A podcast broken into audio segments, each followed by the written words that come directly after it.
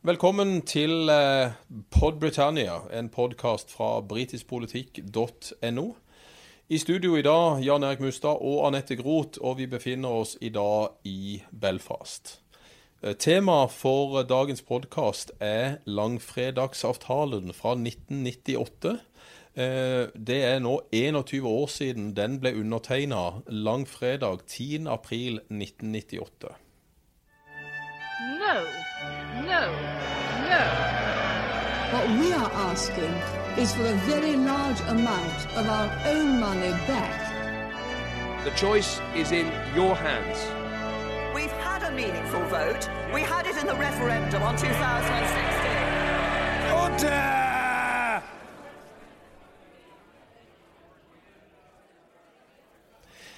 Ja, Anette Groth, du var her veldig mye i opptakten til langfredagsavtalen ble undertegna 10.4, og du var her mye i etterkant. Kan du gi oss en liten situasjonsbeskrivelse av hvordan stemninga var her oppe da?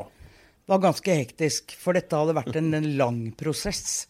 Eh, det begynte jo, eller kanskje det ikke begynte der engang, men det var iallfall eh, politikeren John Newham fra Det sosialdemokratiske partiet og Jerry Adams eh, fra Sinn Fein, de to begynte å snakke sammen. Eh, og det eh, ble en samtale hvor de kunne bringe inn den irske statsministeren, som da hadde kommet til makten, som het Bertie Ahern. Og så gikk de til ham og så sa de, hør her, det vi kan tilby er en våpenhvile fra IRA.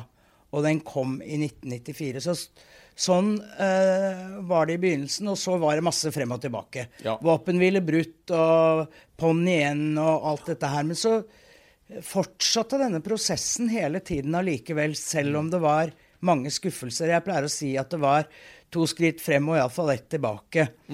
Og etter hvert så, så kom det inn eh, forhandlere, eh, meglere. Den viktigste av dem, eh, den amerikanske senatoren George Mitchell, som viste seg å være ganske genial i dette her. Ja. Og så fortsatte de da denne prosessen, som var veldig koreografert, og som hadde et viktig mål, nemlig at ingen egentlig skulle være fornøyd. For da kan det hende at det funker. Sånn at uh, dette gikk da Og de holdt på i uh, Stormont-slottet utenfor her og forhandlet og forhandlet, og det sto haugevis av journalister utenfor, og vi var rundt der mange hele tiden. Og eh, til slutt så ble det altså eh, undertegning. Det var ikke alle som var med. Det demokratiske unionistpartiet, de som nå eh, er støttepartiet til Teresa May, men som svikter henne, de ville ikke være med. Men det var nok til at den trådte i kraft. Og det var en stor, stor eh, begivenhet. Ja, det var jo en milepæl. Og den andre fredsprosessen som, som du refererte til innledningsvis her, som ble iscenesatt av John Major, som var litt avhengige av dette forholdet mellom Jerry Adams og John Hume. Begge katolikker, nasjonalister, republikanere, men de var ikke spesielt gode venner. Men som du sa, eh, at de fikk til dialogen og gikk til Bertie og eh, og eh, fikk i gang en prosess på katolsk nasjonalistisk side, gjorde at ting begynte å skje. Og så var det jo da eh, John Major eh, som var statsminister i denne perioden. Eh, og det var jo flere i hans regjering som sa det at britene ikke hadde noe selvinteresse eh, i Nord-Irland, og at de ønska en fredsprosess for Nord-Irland. Sånn at hvis de politiske partiene bare kunne bli enige der oppe, ja, så skulle Storbritannia stille seg vennlig eh, i forhold til å få til en, en fredsprosess der oppe. Men partene her i Nord-Irland, eh, særlig da på nasjonalistisk side, var jo utålmodige. Og syntes at de fikk veldig lite igjen av eh, John Major og det konservative partiet. Men så kom valget, da. I Storbritannia, parlamentsvalget i 1997, hvor Labour jo eh, vant som bare det, med Tony Blair som statsminister. Og da ble det fart i forhandlingene. Og det viste seg jo at kjemien mellom Tony Blair og den irske statsministeren Bertie Ahern var veldig god. Disse to snakket sammen, og de snakket med aktørene. Og det kom ny fart i fredsprosessen etter valget i Storbritannia i 1997. Så det som er litt interessant her, er at Hume og Adams fant hverandre. Bertie Ahern, irsk statsminister, og nyvalgt statsminister i 1997, Tony Blair, fant hverandre.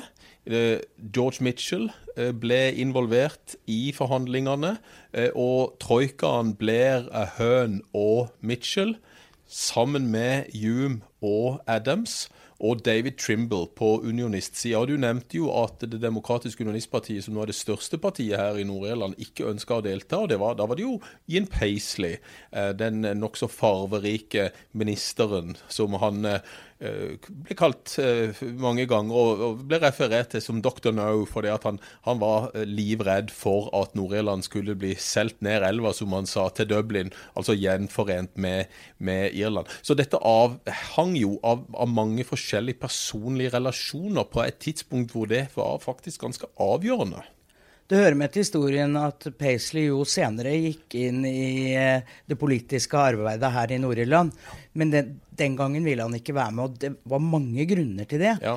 En av grunnene var jo at, at det ble gitt eh, amnesti til det som man kan kalle politiske fanger. Altså de ja. som satt eh, fengslet for IRA-forbrytelser, og for så vidt eh, for å ha vært medlem i protestantiske voldelige grupper. Det satt mm. langt inne for mange, det.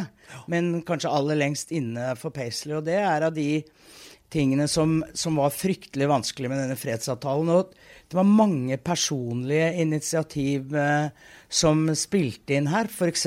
så var det på protestantisk eh, side disse gruppene som heter eh, UVF, f.eks. Ulster Volunteer Force og Ulster Freedom Fighters. De ville ikke egentlig være med på noe fredsavtale, en del av dem. Men så kom det f.eks. En, eh, en av et tidligere medlem der som ble politiker, som het David Irvine. Mm. Som var fantastisk viktig for å få med de folka. Mm. Hva ett menneske kan utføre, er ganske mye.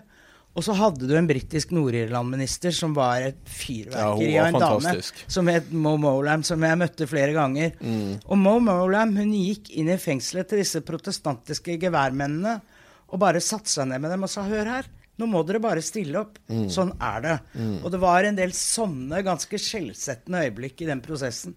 Ja, det var det. Og, og eh, en, en, kan for så vidt forstå Jin Paisley, som, som skjønte at uh, her foregikk der en del ting i kompromissenes navn som, som, han ikke kunne være med på. For han hadde tross alt den delen av den unionistiske protestantiske befolkningen som kanskje var mest hardline, altså som var reddest for at Nord-Irland skulle forsvinne ut av den britiske unionen.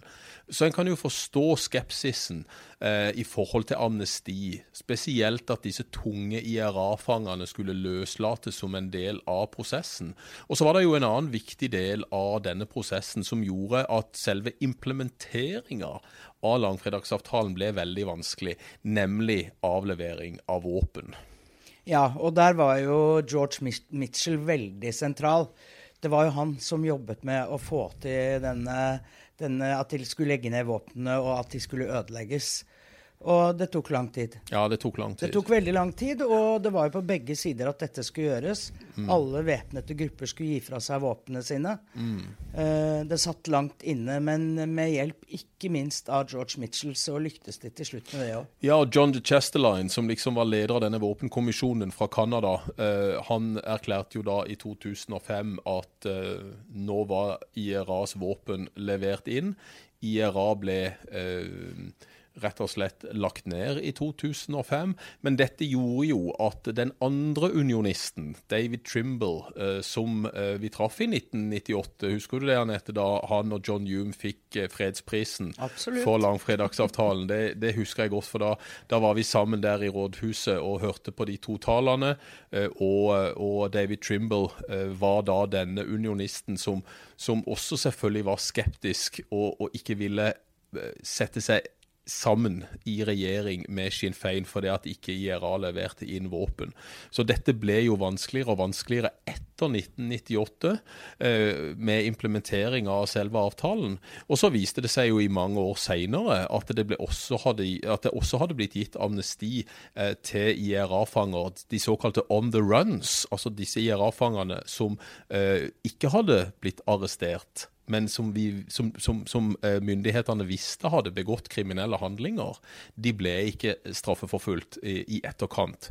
Eh, Blair hadde skrevet et brev til disse og sagt at de ville eh, omfattes av amnestiordningen, og de ville ikke bli straffeforfulgt. Det var jo også noe som ble vanskelig seinere. Så selv om langfredagsavtalen på mange måter var en avtale som skulle selges til alle, med minst mulig innhold, men som du nevnte, helt korrekt, med masse koreografi, så var det jo når man begynte å implementere de forskjellige deler av avtalen, at en skjønte at dette var en ovenifra og ned-avtale. Dette var vanskelig for folk på grasrota. Ja, og jeg sa jo det at i prosessen frem mot avtalen så var det veldig ofte to skritt frem og ett tilbake. Nettopp. Og det fortsatte jo også etter at avtalen var et faktum. Men den lå der. Og det var jo valg ikke så lenge etterpå, i mai det året. Da var jeg her også, og da ble det jo faktisk eh, partiene som hadde vært mest eh, på ytterkantene, som, som vant frem. Og det har jo fortsatt etterpå. Og det er jo egentlig ganske rart, tenker jeg, men, eh, men det viser at eh, de kan samarbeide selv om de var eh, såkalt ytterpunktpartier. Altså det mest eklatante eksempelet er jo Ian Paisley, som du har nevnt, som jo senere ble førsteminister her, da partiet hans hadde godtatt avtalen.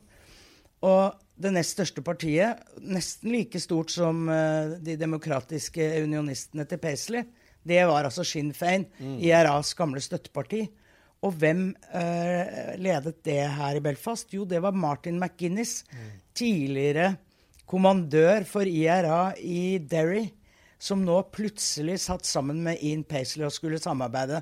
Og det morsomme er jo, jeg har intervjuet begge to, og de har jo en utrolig sans for humor. men Nå er de døde begge to, dessverre. Men, men du kan skjønne at de på en måte traff hverandre på et personlig nivå. Og det gjorde de. Og de regjerte jo sammen mye bedre enn de som holder på nå.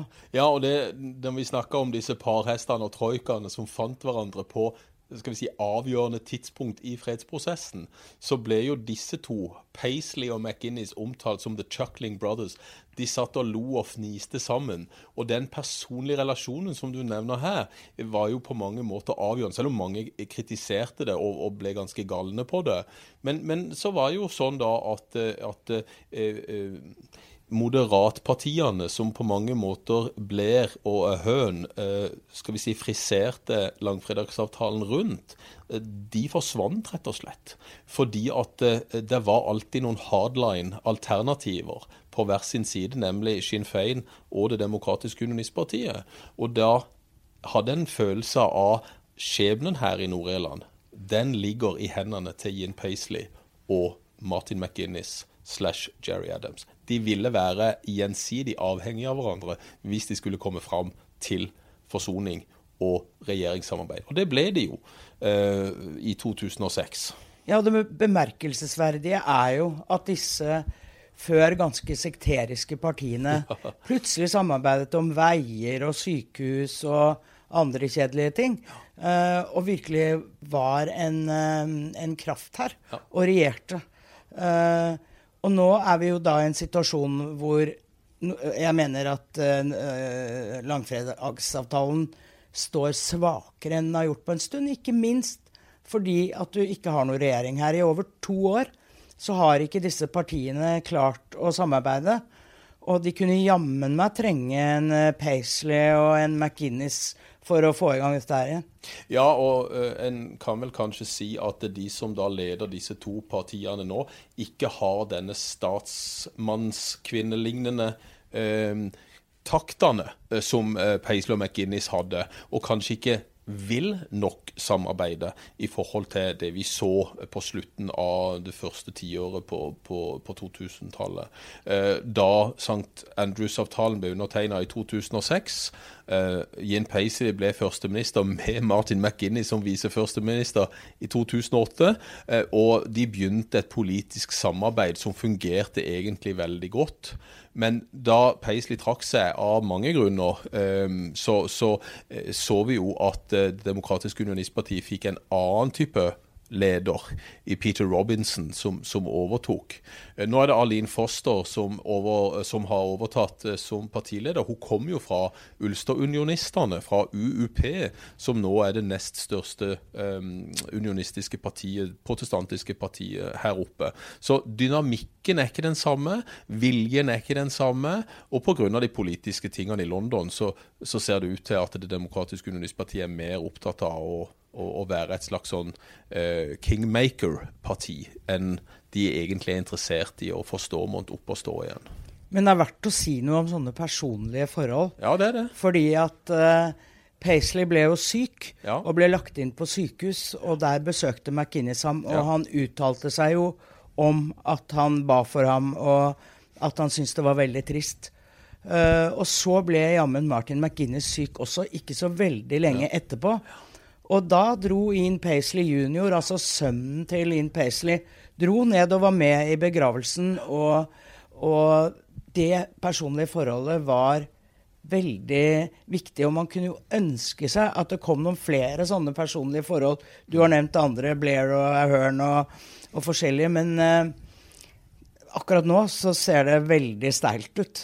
Det gjør det. Men likevel så må vi si mot slutten her at langfredagsavtalen er en, eh, en viktig begivenhet i uh, fredsprosessen, og var på mange måter noe som skifta hele dynamikken i Nord-Irland uh, etter 30 år med, med borgerkrig. Uh, og i denne avtalen så er da Nord-Irlands posisjon i den britiske unionen definert. Det betyr at langfredagsavtalen har som sitt viktigste punkt at det er til enhver tid flertallet som bestemmer den konstitusjonelle tilknytningen, som vi kaller det, om Nord-Irland skal forbli i union med Storbritannia, eller om det da eventuelt skal åpne seg andre alternativer. Og da er egentlig det eneste alternativet en gjenforening med Irland. Og du nevnte demografi eh, tidligere her, og, og demografien er jo det som avgjør denne konstitusjonelle tilhøringen, som da er definert i langfredagsavtalen. Men uansett hvordan dette går, så tror jeg aldri vi kommer tilbake til de voldelige tilstandene vi hadde fra slutten av 60-tallet til 1998. Nei, det får vi jammen ikke håpe. Eh, For eh, kjære lyttere, eh, det er påske, det er fred og fordragelighet. Irland er påskens land. Det er fantastisk å være i Irland i påska. Det er så veldig mye som skjer. Eh, Politisk så husker folk eh, i Nord-Irland eh, langfredagsavtalen, og det tror jeg de gjør i republikken nå. For det var en veldig spesiell påske den påska i 1998. No, no, no.